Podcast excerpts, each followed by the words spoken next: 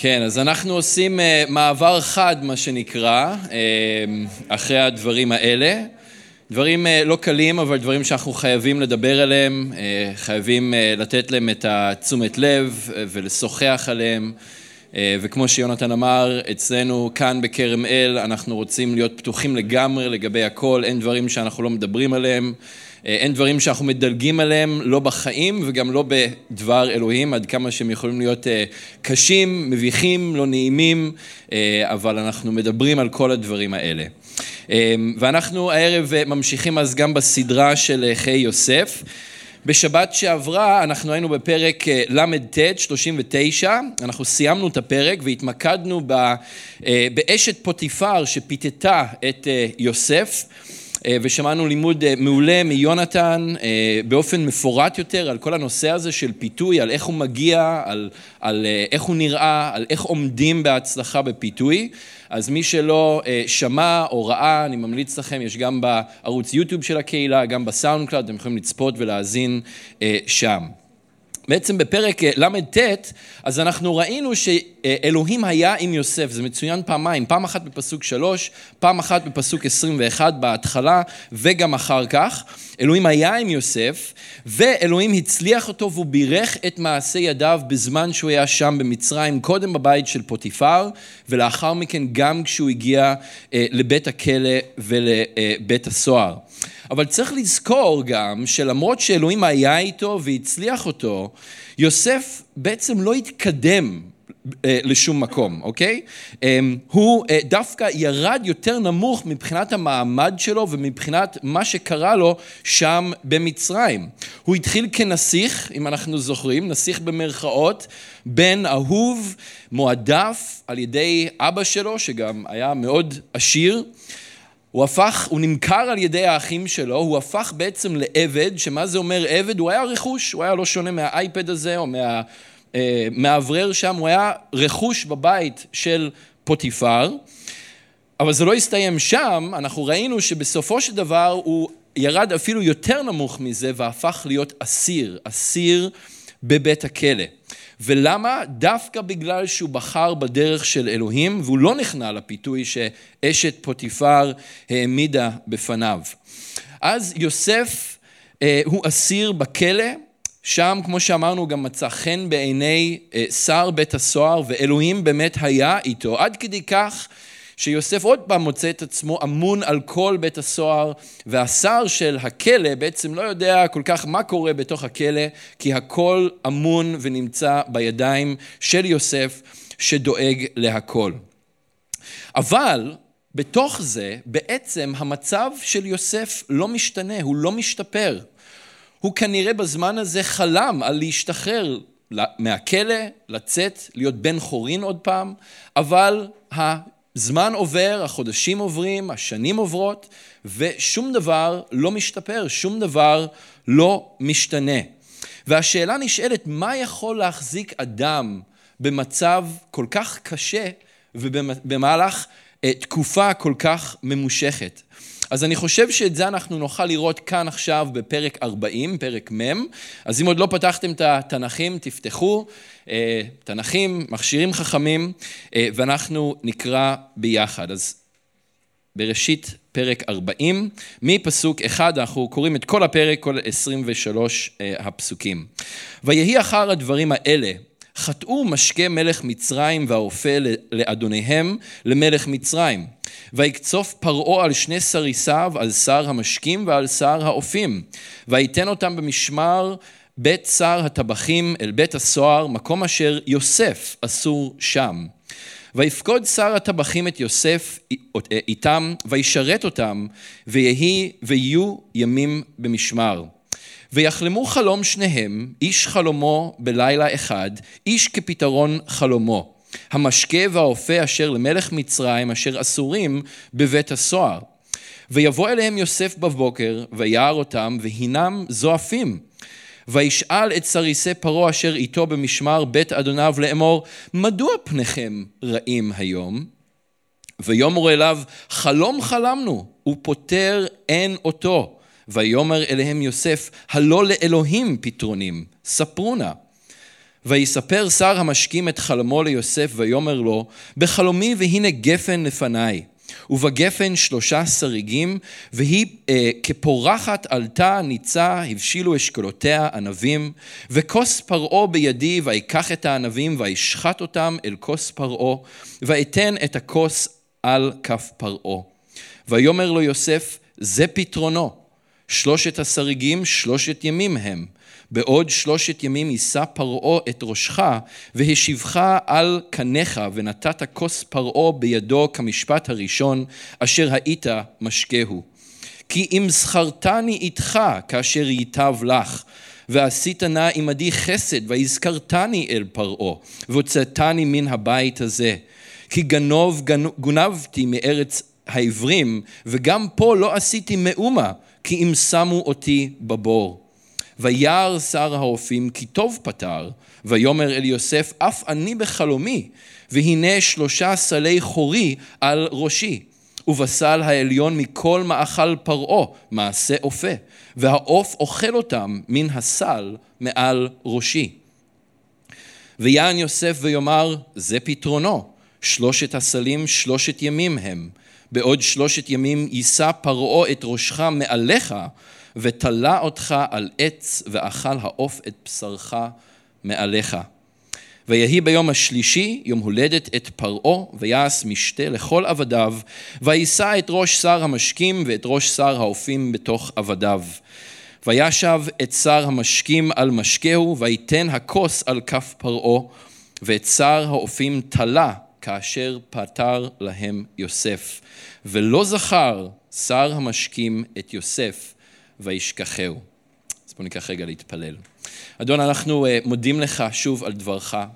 אנחנו מודים לך, אדון, שאנחנו יכולים לבוא לכאן ביחד, אדון, ולהתבונן, אדון, אל תוך דברך המושלם, דברך, אדון, שנועד ללמד אותנו, להכשיר אותנו, לבנות אותנו, לשנות אותנו, לעודד אותנו. אדון, ולתת לנו את מה שאנחנו צריכים, אה, אדון, כדי לחיות חיים של חסידות לפניך, אדון, כדי להתהלך באמת, כדי לדעת לבחור בחיים. אדון, כדי שייטב עמנו ו- ועם המשפחות שלנו ועם הדורות שבאים אחרינו.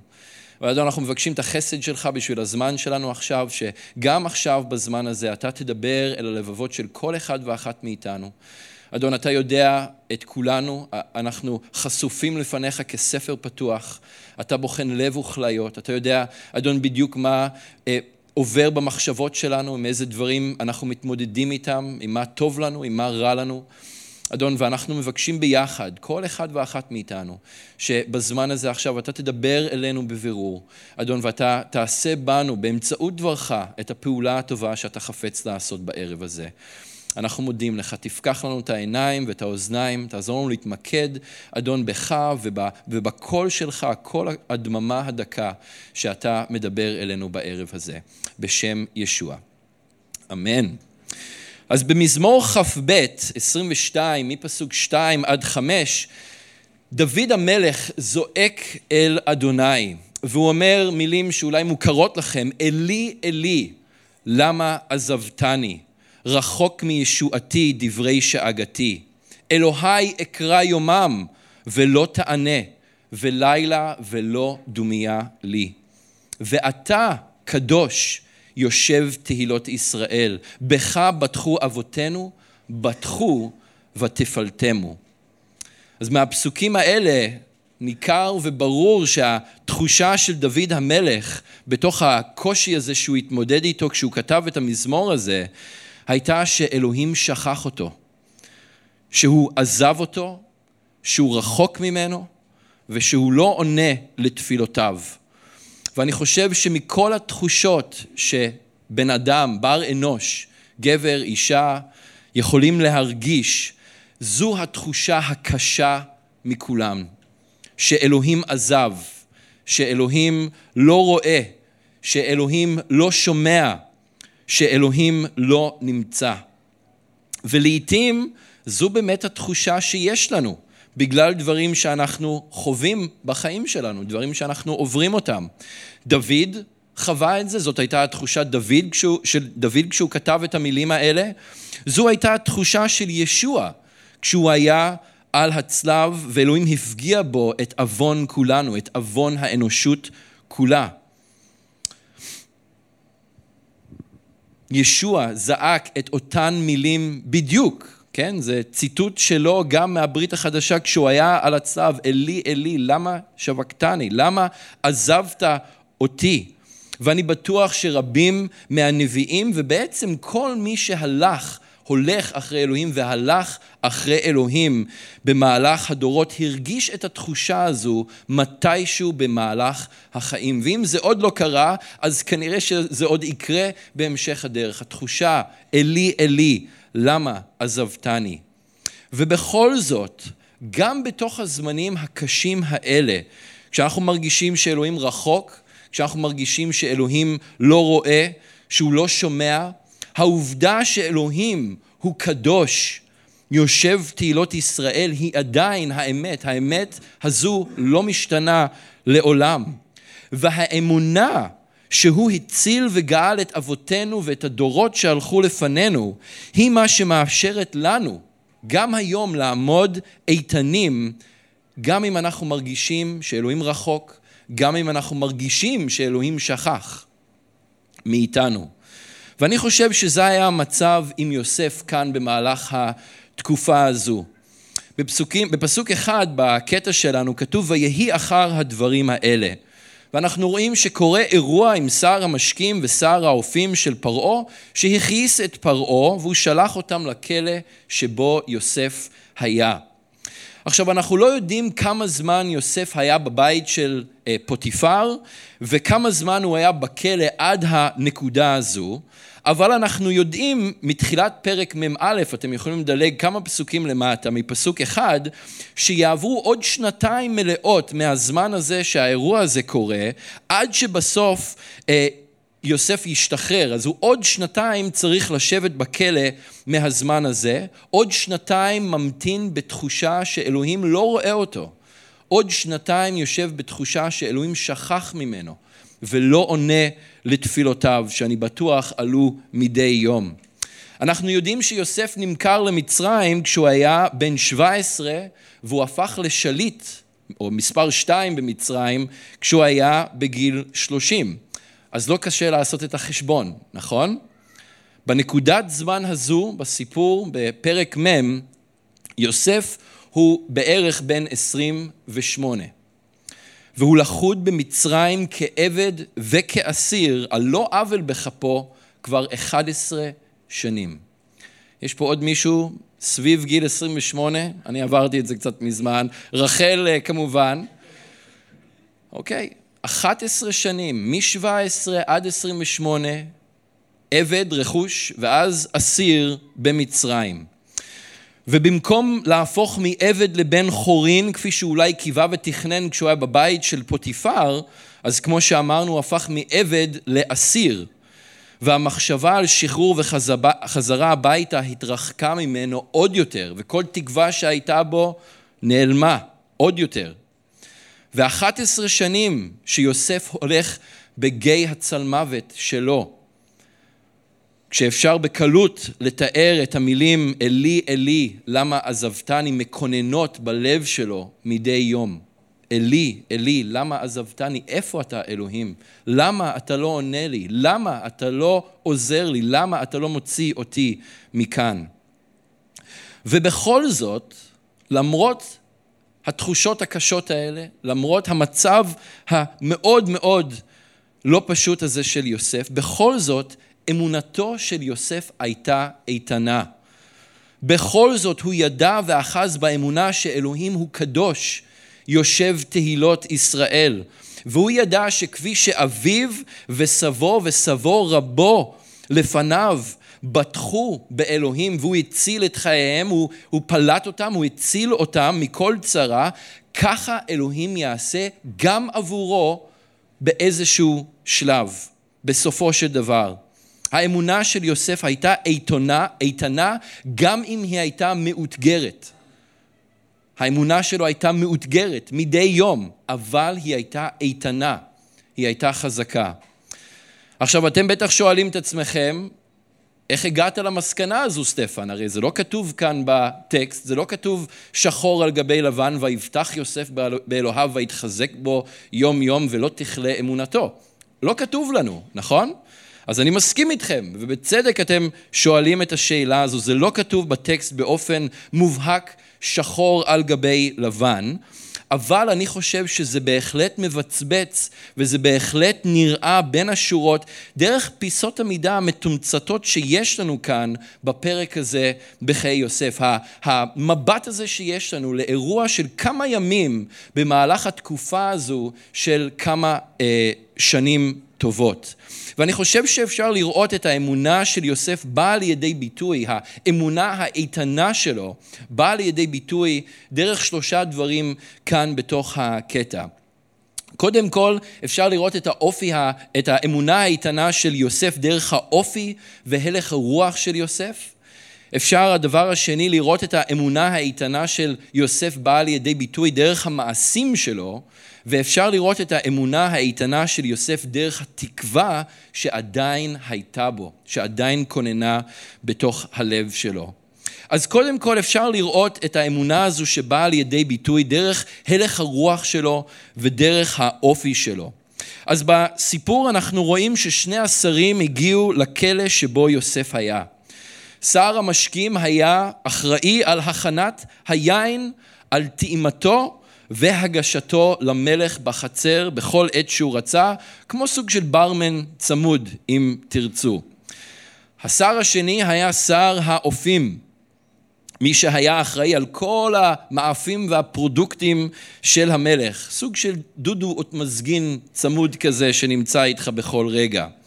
אבל שני השרים האלה אנחנו קוראים חטאו לפרעה, הרגיזו אותו באיזושהי דרך שאנחנו לא יודעים מתוך הטקסט, אבל זה היה מספיק כדי שהם יישלחו לכלא לפחות לכמה ימים, והם הגיעו לכלא שבו היה יוסף. עכשיו אנחנו לא יודעים אם היו עוד בתי כלא במצרים שהשרים האלה יכלו להישלח אליהם, אבל זה לא במקרה שהם הגיעו לכלא שבו יוסף היה.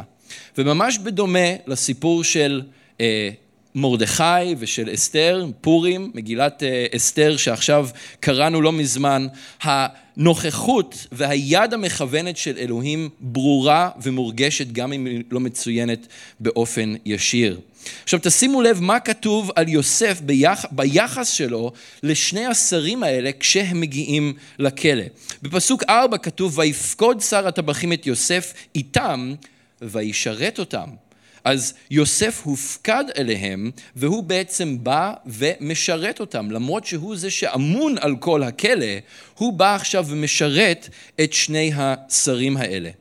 בפסוק 6 כתוב, ויבוא אליהם יוסף בבוקר, אחרי שהם חלמו את החלומות, שהוא גם לא ידע שהם חלמו את החלומות כמובן, אבל הוא בא אליהם בבוקר, והוא ראה אותם, וירא אותם, והינם זועפים. אז אנחנו רואים כאן, כנראה שזה היה משהו שהוא עשה מדי בוקר, הוא היה בודק, בא ובודק לשלום השרים האלה, ורואה מה קורה איתם. אז הוא ביקר אותם, והוא שם לב אליהם, הוא נתן את תשומת הלב שלו אליהם. אחד מהדברים שדיברנו עליהם במפגש חברי קהילה ביום חמישי למי שהיה, על לשים לב איש לרעהו, אז כאן יוסף שם לב לשרים בתוך בית הכלא. ובפסוק שבע, וישאל את סריסי פרעה אשר איתו במשמר בית אדוניו לאמור, מדוע פניכם רעים היום? אז אחרי שהוא שם לב אליהם, הוא ראה שהם זועפים, שהם כועסים או הם מוטרדים, משהו בסגנון הזה, אז, והם נמצאים במצב רוח לא טוב, אז הוא גם שואל אותם, חבר'ה, מה קורה? בואו תספרו לי, מה העניין? מה יש לכם? ואנחנו רואים כאן את הדאגה שלו לשרים האלה, ואת המאמצים שהוא עשה כדי להתערב, כדי לבדוק לשלומם, וכדי להתייחס אליהם בזמן שהם היו אה, במשמר, וגם כדי לעזור. גם אחרי 11 שנות עבדות ומאסר במצרים, יוסף ממשיך למלא את תפקידו בצורה נאמנה, והוא עושה הכל במצוינות עד הסוף, בלי קיצורי דרך ובלי לעגל פינות. אני אגיד לכם את האמת, אני חושב שאם אני הייתי במצב הזה, אני כבר מזמן הייתי מוותר. מה זה משנה אם אני פוקד אותם או לא פוקד אותם, כן בודק לשלומם או לא בודק לשלומם? אני כנראה מאחור הזה לא הולך לצאת. אז זה לא כל כך משנה אם אני אעשה דברים בצורה טובה או פחות טובה. אבל יוסף, זה משהו שבקלות אני יכול לראות את עצמי מגיע למצב כזה. אבל יוסף ממשיך לעשות הכל במצוינות, עד הסוף, בלי קיצורי דרך. ואני חושב שזה מדהים לראות איך האופי וההתנהגות של יוסף תואמים בדיוק את דבריו של שאול שנכתבו לקולוסים אלפי שנים אחר כך. באיגרת לקולוסים פרק ג' 22 עד 24, תשימו לב מה שאול כותב לעבדים ואיך הם צריכים להתייחס, או איך הם צריכים לנהוג. העבדים הישמעו בכל דבר לאדוניכם אשר בעולם הזה, לא למראית עין כמתרצים אל בני אדם, אלא בתום לב וביראת אדוני. כל מה שאתם עושים, לא חלק, לא רק בבוקר, לא בערב, לא כשאתם, אה, רק כשאתם מרגישים טוב עם, עצמכם, כל מה שאתם עושים, עשו בכל נפשכם, כעושים למען האדון או למען אדוני ולא למען בני אדם, שכן יודעים אתם כי תקבלו מאת אדוני את שכר הנחלה, את האדון המשיח אתם עובדים. במהלך כל הזמן הזה של יוסף, גם אצל פוטיפר וגם בתוך הכלא, יוסף נשמע אל אדוניו, והוא המשיך לעשות כן. יוסף עשה את כל מה שהוא עשה בתום לב וביראת אדוני, גם כשזה עלה לו ביוקר והוא מצא את עצמו עומד בפני פיתוי ונכנס לכלא. והוא מילא את התפקידים שהוא קיבל גם אצל פוטיפר וגם בבית הכלא, בכל נפשו ולמען אלוהים בראשונה. הוא חי ככה לא בגלל בני אדם, לא בגלל שזה היה איזה משהו שציפו ממנו, אלא משום שזה היה ביטוי של האמונה שלו באלוהים, כן? ובדרך שאלוהים מבקש ממנו. ככה אנחנו רואים את האמונה של יוסף. אם האמונה שלו הייתה חלשה, ואם כבר לא היה מעניין אותו, הוא לא היה נוהג בצורה כזו. עכשיו, אנחנו לא חיים בעידן שהעבדות רווחת, לפחות לא במדינות מערביות, אה, לרוב ולא אה, כאן בישראל, וכל מי שיושב כאן הערב הוא בן חורין, בת חורין, חופשיים לבוא וללכת כרצוננו, לבחור איפה אנחנו רוצים לעבוד, איפה אנחנו רוצים לגור, אם אנחנו רוצים לקום ולטייל בשבת בבוקר או לא, אנחנו חופשיים לעשות כרצוננו. ובכל זאת, אני חושב שגם היום אנחנו יכולים וצריכים לחיות את חיינו על פי אותו עיקרון, כמו שיוסף חי כאן. לשמוע ולכבד את מי שנמצאים בסמכות מעלינו. לעשות כל דבר בתום לב וביראת אלוהים, כאילו שאנחנו עושים את זה למען אלוהים בעצמו, לא עבור בני אדם. לא בשביל הבוס בעבודה, לא בשביל המורה בבית ספר, לא בשביל הבעל או האישה או מי שזה לא יהיה, אלא קודם כל ובראש ובראשונה למען אלוהים בעצמו. אם זה מול ההורים או המורים בבית הספר, המרצה באוניברסיטה, הבוס בעבודה, אם זה שיעורי בית, כתיבת עבודה, אם זה החלפת חיתול לתינוק, אם זו משימה שהבוס הטיל עליכם, משימה מיוחדת שקיבלתם מהבוס בעבודה, או פשוט העבודה השגרתית היומיומית הרגילה במקום העבודה. אם זה שטיפת כלים אחרי ארוחת ערב, אם זה עזרה לחבר קהילה שעובר דירה או צריך איזה עזרה בתיקון של משהו, אם זה להוציא את הכלב להליכה בבוקר כשעוד חשוך וקר וגשום.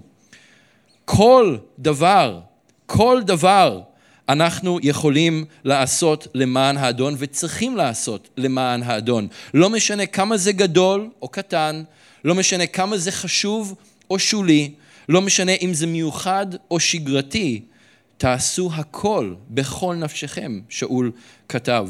בכל תום לב ולא למען בני אדם, אלא למען האדון וכאל האדון.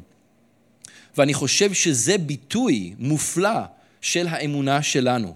ואני חושב שגם כאן רואים את זה אצל יוסף, שזה היה ביטוי מופלא של האמונה האיתנה שלו, שעוד כוננה בתוך הלב שלו. הייתה לו אמונה איתנה, ואפשר היה לראות את זה בהלך הרוח שלו, באופי שלו ובדברים שהוא עשה.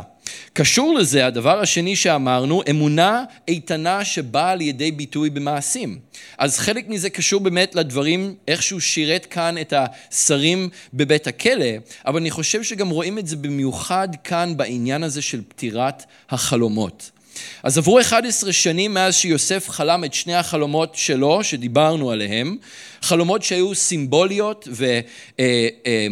דיברו על, על העתיד, והפירוש שלהם היה ברור אז גם ליוסף, אבל זה גם היה ברור מאוד לאחים שלו ולאבא של אה, יוסף, ליעקב, ברגע שהם שמעו את זה. לא כתוב לנו שהוא פירש להם את החלום, הם, הם פשוט הבינו באותו רגע על מה החלום מדבר. והנה כששני השרים אמרו לו שפניהם רעים בגלל חלום שהיה לכל אחד מהם בלילה ולא היה מי שיפרש או יפתור להם אותו, אני חושב שנדלקה איזושהי נורה אצל יוסף. משהו עשה לו פלשבק ל-11 שנים קודם לכם. אה, חלום, זה נשמע לי משהו מוכר. עכשיו, במצרים העתיקה, חלומות נחשבו לדרך עיקרית שאלילי אה, מצרים, או האלוהים של מצרים, היו מתקשרים עם בני אדם, ולכן הם גם זכו לתשומת לב מאוד מיוחדת אה, בקרב האנשים. וספציפית בחצר של פרעה, של מלך מצרים, חכמי מצרים, כל החכמים למיניהם שהיו שם, היו עוסקים בניסיון לפענח את פירוש החלומות בעזרת כל מיני טקסים. פולחנים אה, מגיים, פגאנים ורוחניים, כדי באמת להגיע לפירוש של החלום, כי הם מאוד האמינו בזה. אבל יוסף, כשהוא שומע שיש חלומות, שהיו שתי חלומות לחבר'ה האלה בלילה, הוא מבין ויודע שהפענוח של החלומות לא מצוי בקסמים או בטקסים או באיזה שהן מנטרות שחוזרים עליהם, אלא אצל אלוהי אבותיו. והוא לא פחד להכריז את האמת הזו בעיני, באוזני שני השרים, עד כמה שזה היה נשמע להם ביזארי ומוזר, בגלל מה שהם היו רגילים שהיה קורה כשמישהו היה חולם חלום. ויוסף מכריז הלא לאלוהים פתרונים בפסוק שמונה, והוא מזמין אותם, ספרו נא. עכשיו, אני לא, אני לא אגע יותר מדי בתוכן של החלומות עצמן, אבל אנחנו רואים לחלומות של שני השרים יש הרבה דמיון, אבל גם יש שוני ביניהם. ואנחנו רואים שהם באים בצמדים, אז החלומות של יוסף בהתחלה זה שני חלומות, עכשיו שתי חלומות, ואז גם עם פרעה זה יהיה שתי חלומות, אז הם באים בצמדים. ובדיעבד נראה כאן גם עם אה, שני השרים וגם אחר כך עם פרעה, בדיעבד כשיודעים מה משמעות החלומות, זה כאילו נראה ברור מה המשמעות שלהן. אבל מבלי לדעת את המשמעות מראש, הפרשנויות והפתרונות של החלומות האלה יכולות להיות רחבות ומגוונות, כן? שלושת הסלים, שלושת הגפנים, למה שלושה ימים? זה יכול להיות שלוש דקות, שלוש שעות, שלושה חודשים, שלוש שבועות, שלושים שנה, שלושה עשורים, זה יכול להיות כל מיני דברים, אוקיי? אז זה יכול להיות מאוד מגוון ורחב. אבל תראו שעוד לפני שיוסף בכלל שמע את החלומות, בכלל, שהוא בכלל שמע מה יש בחלומות, הוא האמין והוא ידע שאלוהי ישראל ואלוהי אבותיו הוא כל יכול, והוא ידע, הוא יודע את הפירוש של החלומות, שהוא עוד לא שמע אותם בכלל. ואם אלוהים ירצה, אז הוא יוכל לגלות את הפירוש ואת פתרון החלומות האלה ליוסף. ואני חושב שכאן בנקודה הזו, האמונה האיתנה של יוסף לא נשארה רק בגדר אמונה שבלב, אלא קיבלה ביטוי באופן מעשי. ספרו נא, הוא אומר להם, תספרו לי מה החלומות שחלמתם. עכשיו, אין עדות בטקסט לכך שיוסף הכיר כבר עד הנקודה הזו, בעבר, שיש לו יכולת לפתור חלומות. וגם בשני החלומות של השרים וגם בשני החלומות של פרעה בפרק הבא, יוסף לא מצביע על עצמו כאילו שהוא איזה מישהו שיש לו את היכולת לפתור את החלומות האלה, אלא בשני המקרים הוא מצביע על אלוהים, והוא אומר אלוהים יכול לפתור את החלומות האלה. לא אני, אבל אלוהים. אז בתוך מצב מורכב, והאמת היא מצב בלתי אפשרי, איך אפשר לדעת את הפירוש של החלומות האלה? זה יכול להיות אלף ואחד דברים. יוסף לקח צעד של אמונה. שכן על פי אמונה אנחנו מתהלכים ולא על פי מראה עיניים, כפי ששאול כתב לקורינתים. ואלוהים אכן נתן ליוסף את הפתרון לשני החלומות. מיד אחרי שהוא שמע את החלום של שר המשקים, יוסף אמר לו, זה פתרונו, בפסוק 12, שבעוד שלושה ימים פרעה יישא את ראשו ויחזיר אותו לתפקיד כפי שהיה קודם לכן, כי אלוהים גילה לו את הפתרון. ויוסף היה כל כך בטוח בפתרון שאלוהים נתן לו, שהוא היה מוכן, אה, או שהוא ביקש באותה נקודה משר המשקים לזכור אותו כשהוא מגיע חזרה, כשהוא משוקם חזרה לתפקיד שלו והוא חוזר לשרת בחצר של פרעה. עכשיו, אחר כך אנחנו רואים, רואים גם בגלל הביטחון הזה של הפתרון של החלום, על בסיס הפתרון של החלום של שר המשקים, גם שר האופים רצה לספר ליוסף את חלומו כדי שיפתור לו גם את החלום. פסוק 16, וירא שר האופים כי טוב פתר. משהו שמה עשה לו קליק, וואלה, הבחור יודע על מה הוא מדבר. וגם במקרה הזה, אלוהים העניק ליוסף פתרון לחלום. רק שבמקרה הזה החדשות היו פחות טובות ומזהירות בשביל שר האופים, ופרעה יישא את ראשו, אבל הוא יישא את ראשו מעליו, או במילים אחרות, הולך להוריד לו את הראש. עכשיו, גם בשמואל ב', פרק ה', פסוק 20, כשדוד נלחם בפלישתים בעמק רפאים, שזה אזור המושבה האמריקאית בירושלים של ימינו, הוא שאל את אלוהים אם לעלות להילחם נגד הפלישתים, ואם אלוהים ייתן את הפלישתים בידו. כי היה נראה לו שם מצב מסובך, קרב שלא בטוח הולכים לנצח אותו. אלוהים ענה לו במקרה הזה בחיוב, ולמקום הזה דוד קרא בעל פרצים, בגלל שכתוב שפרץ אדוני את אויביי לפניי כפרץ מים. אז אנחנו רואים שבתוך מצב קשה, סבוך, מורכב, אלוהים פורץ דרך איפה שאין דרך, או איפה שלא נראה שיש דרך. גם יותר מאוחר בכתובים, כשהקהל שומע את האינטראקציה בין ישוע לאיש העשיר לגבי העניין של איך אפשר להיוושע, כן, וכל נכסי העולם והעושר, הקהל ששומע את ישוע ואת האינטראקציה בין ישוע לאיש העשיר, משתוממים על מה שישוע אמר, ושואלים, ומי יכול להיוושע? וישוע עונה, מה שנבצר מבני אדם הוא ביכולתו של אלוהים. גם כשיש מצבים שנראים לנו כבלתי אפשריים, כשאין דרך, אלוהים יכול לעשות את מה שנראה לנו כבלתי אפשרי. כמו עם החלומות של שני השרים, ככה עם כל דבר מורכב קשה ולכאורה בלתי אפשרי בחיים שלנו. לאלוהים הפתרונים. כשנראה שאין דרך, בעל פרצים עושה דרך. ומה שנראה בלתי אפשרי עם בני אדם הוא בהחלט אפשרי עם אלוהים. בחצי הראשון של המאה ה-19, לפני בערך ממש 200 שנה, בתחילת המאה, 1800 ומשהו, פוליטיקאי משיחי מאנגליה בשם ויליאם וילברפורס לקח על עצמו להילחם נגד תעשיית העבדות והסחר בבני אדם ששלטה אז בעצם בכל האימפריה הבריטית, האימפריה הגדולה והחזקה בעולם אה, דאז. יכול להיות שראיתם סרט שעשו עליו או אתם מכירים את השם אה, וכמו שאמרתי הוא היה אה, משיחי. והוא לקח על עצמו להילחם כנגד המפלצת הזו, התעשייה האדירה הזו של סחר בבני אדם. במונחים של היום זה בערך כמו לנסות להילחם נגד אמזון או נגד גוגל, אוקיי? רק מבחינת הכוח והכסף וההשפעה אה, שנמצאים שם. אבל וילברפורס האמין שאלוהים יכול לפרוץ דרך גם איפה שלא נראה שיש דרך. ומתוך אמונתו הוא פעל ונלחם עד ששלושה ימים לפני שהוא נפטר, כשהוא היה על ערש הדווי שלו, הוא קיבל את הבשורה שהחוקיות של עבדות בממלכה הבריטית בוטלה אה, לחלוטין, בכל הממלכה. אמונה איתנה באה לידי ביטוי במעשים, גם כשזה נראה בלתי אפשרי או מופרך במונחים אנושיים.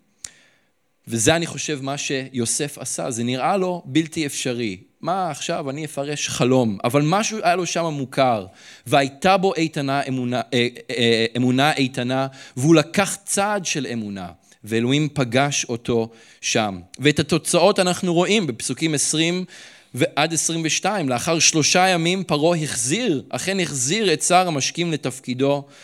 לשר האופים הוא ערף את הראש ותלה את גופו למאכל עופות השמיים, בדיוק כפי הפתרון שאלוהים נתן ליוסף, מילה במילה. הדבר השלישי והאחרון שאנחנו רואים שהאמונה האיתנה הזאת בתוך אה, יוסף באה לידי ביטוי זה גם דרך התקווה שהייתה בו. תוך כדי המצב הזה אנחנו בעצם שומעים מיוסף בפעם הראשונה את התחושות שלו, מה הוא אומר לגבי כל המצב הזה שהוא נכלא אה, אליו, לגבי כל מה שקרה. ואנחנו רואים גם את הבקשה שלו משר המשקים לזכור אותו לפני פרעה כשהוא יחזור לשרת שם. שוב, הוא היה מאוד מאוד בטוח בפתרון שלו, כשאתה חוזר, כשאתה מגיע חזרה לחצר של פרעה, תזכור אותי. כי אם, אם זכרתני איתך כאשר ייטב לך, ועשית נא עמדי חסד והזכרתני אל פרעה, והוצאתני מן הבית הזה. ואז הוא אומר, כי אה, אה, אה, גנוב גונבתי מארץ העברים, וגם פה לא עשיתי מאומה, כי שמו אותי בבור.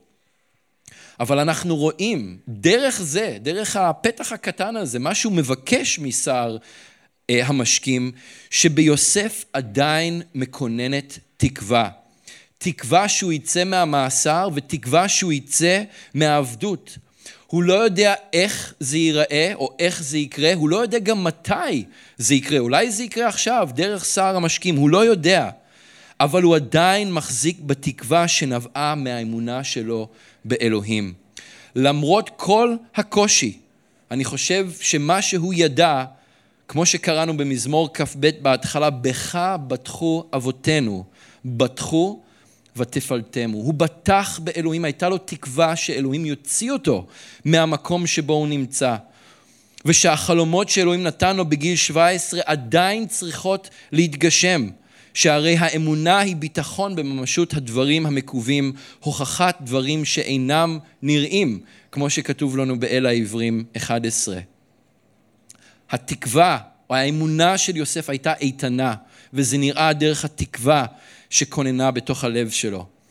ובכל זאת אנחנו רואים שהפרק מסתיים בצורה די עגומה, שוב עבור יוסף בפסוק 23, ולא זכר שר המשקים את יוסף וישכחהו. אחרי ששר המשקים שוחרר וחזר לחצר של פרעה, יוסף מחכה בדריכות, אבל הדקות הופכות לשעות, והשעות הופכות לימים, והימים לשבועות, והשבועות לחודשים, והחודשים לשנים. וההצלה לא באה, ויוסף נשאר באותו מקום ובאותה נקודה בדיוק. ואני חושב שזו אולי הייתה התקופה, זה היה הזמן הקשה ביותר בשביל יוסף. אומרים שהזמן הכי חשוך זה בדיוק לפני הזריחה. אבל גם אם שר המשקים שכח את יוסף, אלוהים לא שכח אותו. כשבני אדם נוטשים, אלוהים נשאר נאמן. כשבני אדם שוכחים, אלוהים זוכר, הוא לא שוכח. כי זה מי שאלוהים, כי זה האופי שלו. דוד כתב במזמור כ"ז עשר, כי אבי ואמי עזבוני, ואדוני יאספני. גם עם האנשים הכי קרובים אלינו, האנשים הכי מעורבים בחיים שלנו, אלה שדואגים לנו ושומרים עלינו, גם אם הם מפקירים אותנו ועוזבים אותנו, אלוהים לעולם לא יעזוב אותנו. הוא יאסוף אותנו, הוא ילך איתנו, הוא ישמור אותנו. אלוהים אמר על ישראל דרך הנביא ישעיה בפרק מ"ט, פסוקים 14 עד 16, ותאמר ציון, עזבני אדוני, או עזבני אלוהים ואדוני שכחני. התשכח אישה עולה מרחם, בן בטנה? גם אלה תשכחנה, גם אמא תשכח את הבן שהיא ילדה, שהיא נשאה בתוך הרחם, ואנוכי לא אשכחך. הן על כפיים חכותך, חכותך, וחומותייך נגדי תמיד. אלוהים אומר, אני לא אשכח, הוא אומר את זה לישראל, אני לא אשכח. אתם חושבים ששכחתי, אתם חושבים שאני עזבתי, אבל אני לעולם לא יעזוב. אני לעולם לא אשכח, אני לעולם לא יעזוב. הן על כפיים, אתם חקוקים על הכפיים שלי וחומותייך נגדי תמיד. וכמו שאלוהים אמר את זה לישראל, הוא אומר את זה לכל אחד ואחת מאיתנו. אתם, השמות שלכם חקוקים על כפיו של אלוהים, ואתם נמצאים מולו תמיד. גם אם אתם מרגישים שאלוהים שכח אתכם, גם אם אתם מרגישים באיזשהו שלב שאלוהים לא שומע אתכם, הוא לא. ישוע הבטיח שהוא איתנו לעד, עד קץ העידן. ליוסף הייתה אמונה חזקה באלוהים שהולכת ומתגלה ככל שהסיפור מתפתח. והאמונה האיתנה של יוסף היא מה שאפשרה לו להמשיך. היא מה שאפשרה לו להמשיך ולשרת ולעשות את העבודה ואת התפקיד שלו במצוינות לאורך כל השנים האלה. זה מה שאפשר לו לקחת צעדים פרקטיים של אמונה, גם אם הוא לא היה בטוח מה תהיה התוצאה, וזה מה שהמשיך לתדלק את לפיד התקווה שבערה בקרבו. ואני חושב שבמיוחד בימים האלה, זה קשור גם לדברים שדיברנו עליהם מקודם, אבל בכלל מה שאנחנו רואים שקורה בארץ ובעולם כולו, אנחנו זקוקים לאמונה איתנה שתכונן בתוך הלבבות שלנו. אנחנו זקוקים לאמונה איתנה שלא ניתנת לערעור. אנחנו זקוקים וצריכים להחזיק באמונה שאלוהים הוא קדוש, יושב תהילות ישראל, שבו בטחו אבותינו והוא הפעלתם. ואם זה מישהו היה ומה שהוא עשה עבורם, אז זה מישהו יהיה ומישהו ומשהו יעשה גם עבורנו. כי אני אדוני לא שיניתי, אותו הדבר אתמול, היום ולעולמי עולמים. גם אם אנחנו חסרי אמונה, ותאמינו לי, אני יודע, אנחנו חסרי אמונה, אני חסר אמונה. וכמו אותו איש שהיה לו את הילד החולה וביקש מישוע, אני מאמין, או אמר לי ישוע, אני מאמין, עזור לי בחוסר אמונתי. משפט מופלא, אני מאמין, אבל אני לא מאמין מספיק, האמונה שלי חלשה. כולנו מאמינים, אבל כולנו יכולים להתחזק עוד באמונה שלנו. אני יודע שזאת התפילה שלי, זאת הזעקה שלי. אדון, אני מאמין, אבל עזור לי בחוסר אמונתי. וזה מה שכולנו צריכים, זה מה שהחזיק את יוסף במהלך כל השנים האלה ויחזיק אותו במשך עוד שנתיים, עד שהוא יראה את הזריחה. וזה מה שאנחנו צריכים בחיים שלנו, שיחזיק אותנו ויעזור לנו להמשיך הלאה במרוץ. אמן? אז בואו נתפלל ונבקש את זה מהאדון. אבל אנחנו אה, מודים לך על הטוב ועל החסד שלך. אדון, שאנחנו רואים כאן שהיה על החיים של יוסף. אדון, במהלך כל השנים האלה, גם אם הוא לא ראה את זה בזמנו, אנחנו מודים לך שאנחנו בדיעבד כן יכולים לראות את זה. אדון, ושאנחנו יכולים לקחת את זה כמשהו כל כך מעודד ומחזק ובונה, שגם אם אנחנו מרגישים שאנחנו רוצים לומר את המילים אלי, אלי, למה עזבתני? אדון, אנחנו יכולים לדעת שאתה קדוש, יושב תהילות ישראל, שבך בטחו אבותינו וגיבורי האמונה שהלכו לפנינו, ואתה עזרת להם והיית איתם ולא עזבת אותם, וככה אתה גם איתנו. ולא עוזב אותנו, ולא משאיר אותנו יתומים ולבד עד קץ העידן. אדון, ואנחנו יודעים שבימים שבהם אנחנו נמצאים ובתקופה שבפתח, אדון, אנחנו זקוקים לאמונה איתנה. אדון, אנחנו מאמינים בך, אבל כמו אותו אבא שאמר לך, אני מאמין, עזור לי בחוסר אמונתי. אדון, אנחנו זועקים את אותו דבר אליך. אנחנו מאמינים, אבל עזור לנו בחוסר אמונתנו. אדון, אנחנו יודעים שיש מקומות שאנחנו צריכים להאחז יותר בך, להאמין יותר בך, לקחת צעדים של אמונה בך, להאחז בך יותר. אדון, ואנחנו מבקשים שאתה תעזור לנו איפה שאנחנו חלשים. ואנחנו מודים לך, אדון, שזה עוד אמת מופלאה מדברך, שאיפה שאנחנו חלשים, אתה חזק בקרבנו. אז אדון, תבנה את האמונה שלנו עוד יותר, אדון, היום, עוד יותר בשבוע הקרוב. ותן לנו, אדון, להתהלך כיאות לפניך בכל דבר שאנחנו אומרים ועושים מתוך האמונה שלנו בך. אנחנו מודים לך, אדון, שאתה טוב ונאמן. אנחנו מברכים את שמך ביחד, בשם ישוע. אמן.